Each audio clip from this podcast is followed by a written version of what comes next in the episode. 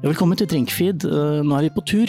Eh, Det som er gøy med å være på tur, er at du treffer mye rare mennesker rundt omkring. Og tilfeldigvis, nå er, nå, nå er vi eh, i en sånn ventehall. Og utrolig hva man treffer i sånne ventehaller. Her har jeg funnet en kar fra Chateauneuf du. Edward. Edward Gurin, nice to meet you. Hi, I'm very happy to be here.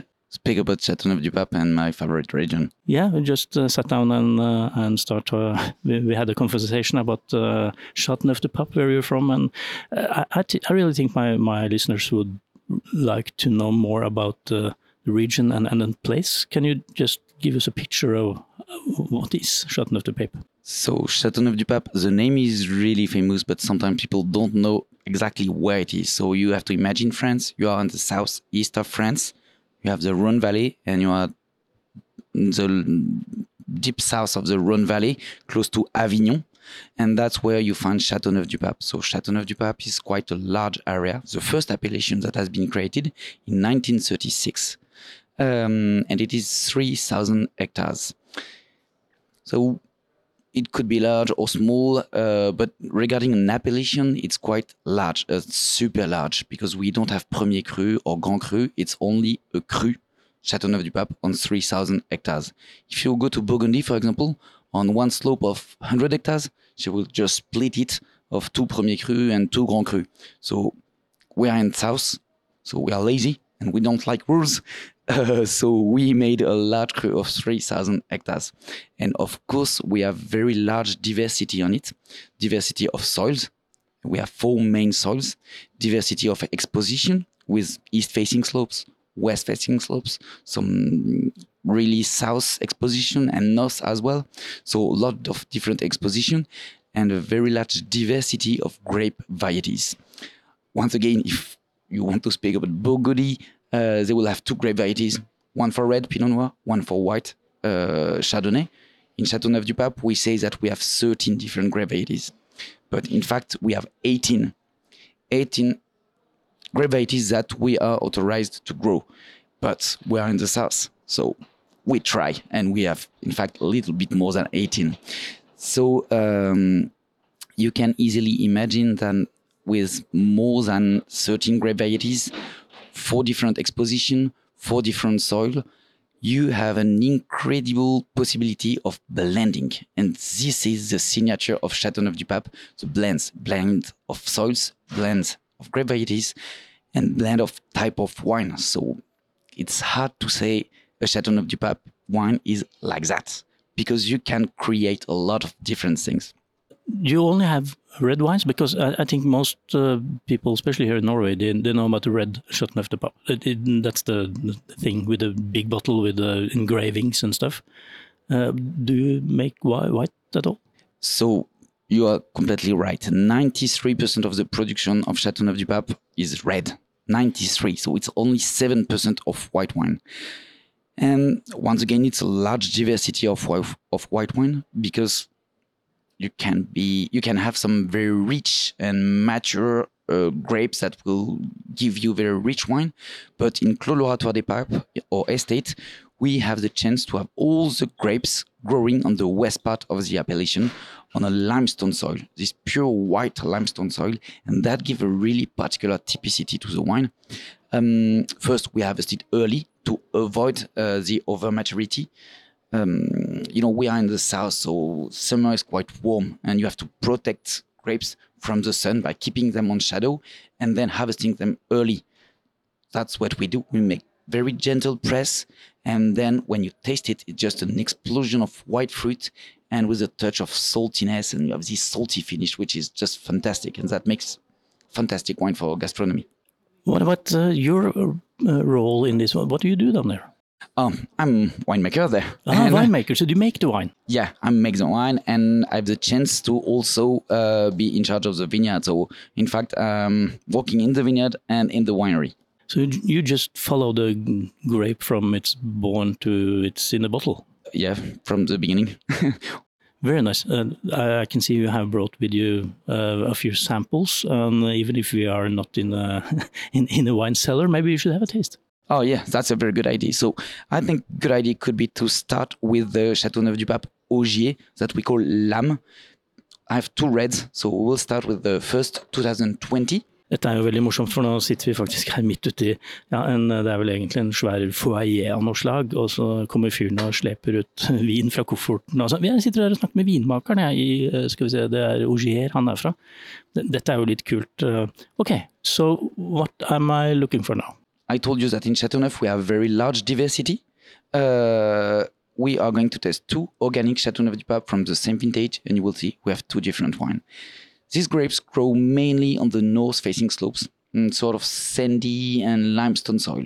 So it's quite light in color, uh, very rich in flavor. And 2020, we had a fantastic vintage. You know, it was COVID, so everyone were locked down except people who were walking in the vineyard. So I just keep going out to, I mean, I didn't want to stay at home. So let's try this one where we make uh, 80% of whole bunches fermentation. It means that we keep the stems for the fermentation and that bring a lot of floral notes. Ja, nå skal jeg snakke litt norsk mens han uh, har nesa nedi her, sånn, og det er jo en fantastisk blomsterduft på den her. Det er uh, blå, nesten fiolaktige ting. Vi har mørke bær. vi har Eh, det er noe grønt oppi her. Nå skal vi høre hva, om han er enig. Så the notes on, on uh, first, first the nose. What, what do I smell here? I have a lot of rose. You know, this, this flower, a lot of rose mixed with licorice, a touch of black pepper, uh, and some fruit, of course. So it's quite a very rich nose, uh, and you find the same flavor uh, in mouth, but you have nothing heavy. You know, sometimes Chateauneuf du Pape we expect some big body builded wines, you know, big boy. Um, with this wine, we are really on elegance, a lot of fineness, and this is what we want because we want that people have the bottle at home and enjoy it with food. This is a wine for, for once again for gastronomy. You, you you need a good meat with that. I was thinking lamb. Yeah, well, Chateauneuf du Pape and lamb is always a good match. Very good. But you had another one. Yes. So, same vintage, same appellation, but the grapes come from different soils. As I told you, it's a large appellation with a lot of diversity. Uh, this blend is still dominated by Grenache. Grenache is our king grape variety in Châteauneuf du Pape. But here we have more grapes growing on what we call the galets roulés, these rolled stones that we have, and these stones bring a lot of power into the wine. So let's taste it. Nå skal jeg la han få lov å, å lede han, og skal jeg se om jeg klarer å, å, å sekundere han på det. So Can't can see the difference. It's a lot of ripe fruit on the nose, a touch of tapnad. Also, you can have um, a bit of plum, uh, fig, um, and some garlic flavor. You know, garlic is all the the, the, the, the herbs that we have around the vineyard with rosmarinus, thyme that growing just close to the vineyard, and we can feel it also. So, and also in mouth, uh, we can feel more structure. It's a little bit more structured wine. So, it's, it's like I said, it's totally different expression on, on those two wines, and, and uh, it's it's astonishing that they are from the literally the same place. Yeah, yeah. Oh, it's sometimes 100 meters between these two vineyards. So that's just fantastic. In terms of food pairings, the lamb could be good. Um, but you can also easily imagine some reindeer, for example, reindeer, some, yeah, some yeah, game. Sure. yeah, game. I, I, think like we have the uh, the moose. Uh, it it would go perfect with that. Um, do you have much of that in in France? Moose. Moose, uh, du, du cerf, de la biche. Very cool. So uh, to sum it up, um, Châteauneuf is this uh, famous region uh, that uh, everybody's heard of but don't know very much about. If you could try to give me uh, the extract of your place, what would that be? This is a place where you have to go first. It's a very sunny place. Uh, the weather is always fantastic. The only black point on that is a Mistral. This wind coming from the north to the south. It doesn't drive you crazy, but it could. it, uh, a few weeks ago, we had one month of Mistral, so every day it's like 100 kilometer per hour of wind. Um, so it's crazy, but it's very important for us because it helps to grow the vines. Just keep the weather dry and the the sky is always blue, so it's fantastic region for the weather.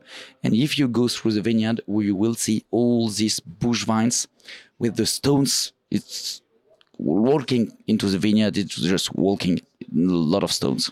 And the wine, if you have to uh, give it give the best impression of the wine, what what what would that not be? Mm, it's wine with a lot of diversity, quite rich wine with big maturity, and wines made for gastronomy. You can drink them when they are young. Uh, you will have a lot of fruit flavors, and if you just wait up to five, ten years, fifteen years, sometimes you will get more and more complexity with. Um, sort of uh, cho- bitter chocolate flavor and truffle aromas. So you will take a lot of complexity and you will have really the identity of uh, Red Chateau du Pape. How about the future for the region? Are, are you affected by the climate change?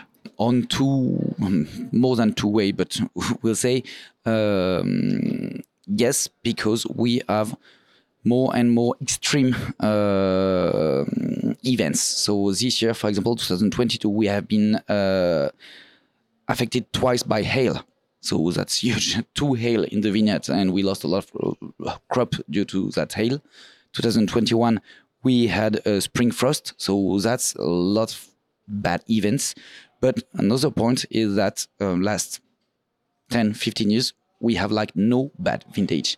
With this global change, uh, we just have good weather, so the grapes are just ripening very well. So for now, it's good. For the future, we'll see because we also have more and more water stress in summer and start to be uh, an issue. Right. I think uh, I'm gonna let you loose now, and you have other things to attend to. And thank you so much for for for being with us uh, these minutes, and and thank you very much for the for the tasting. That was that was uh, awesome. Thank you very much. It was a pleasure.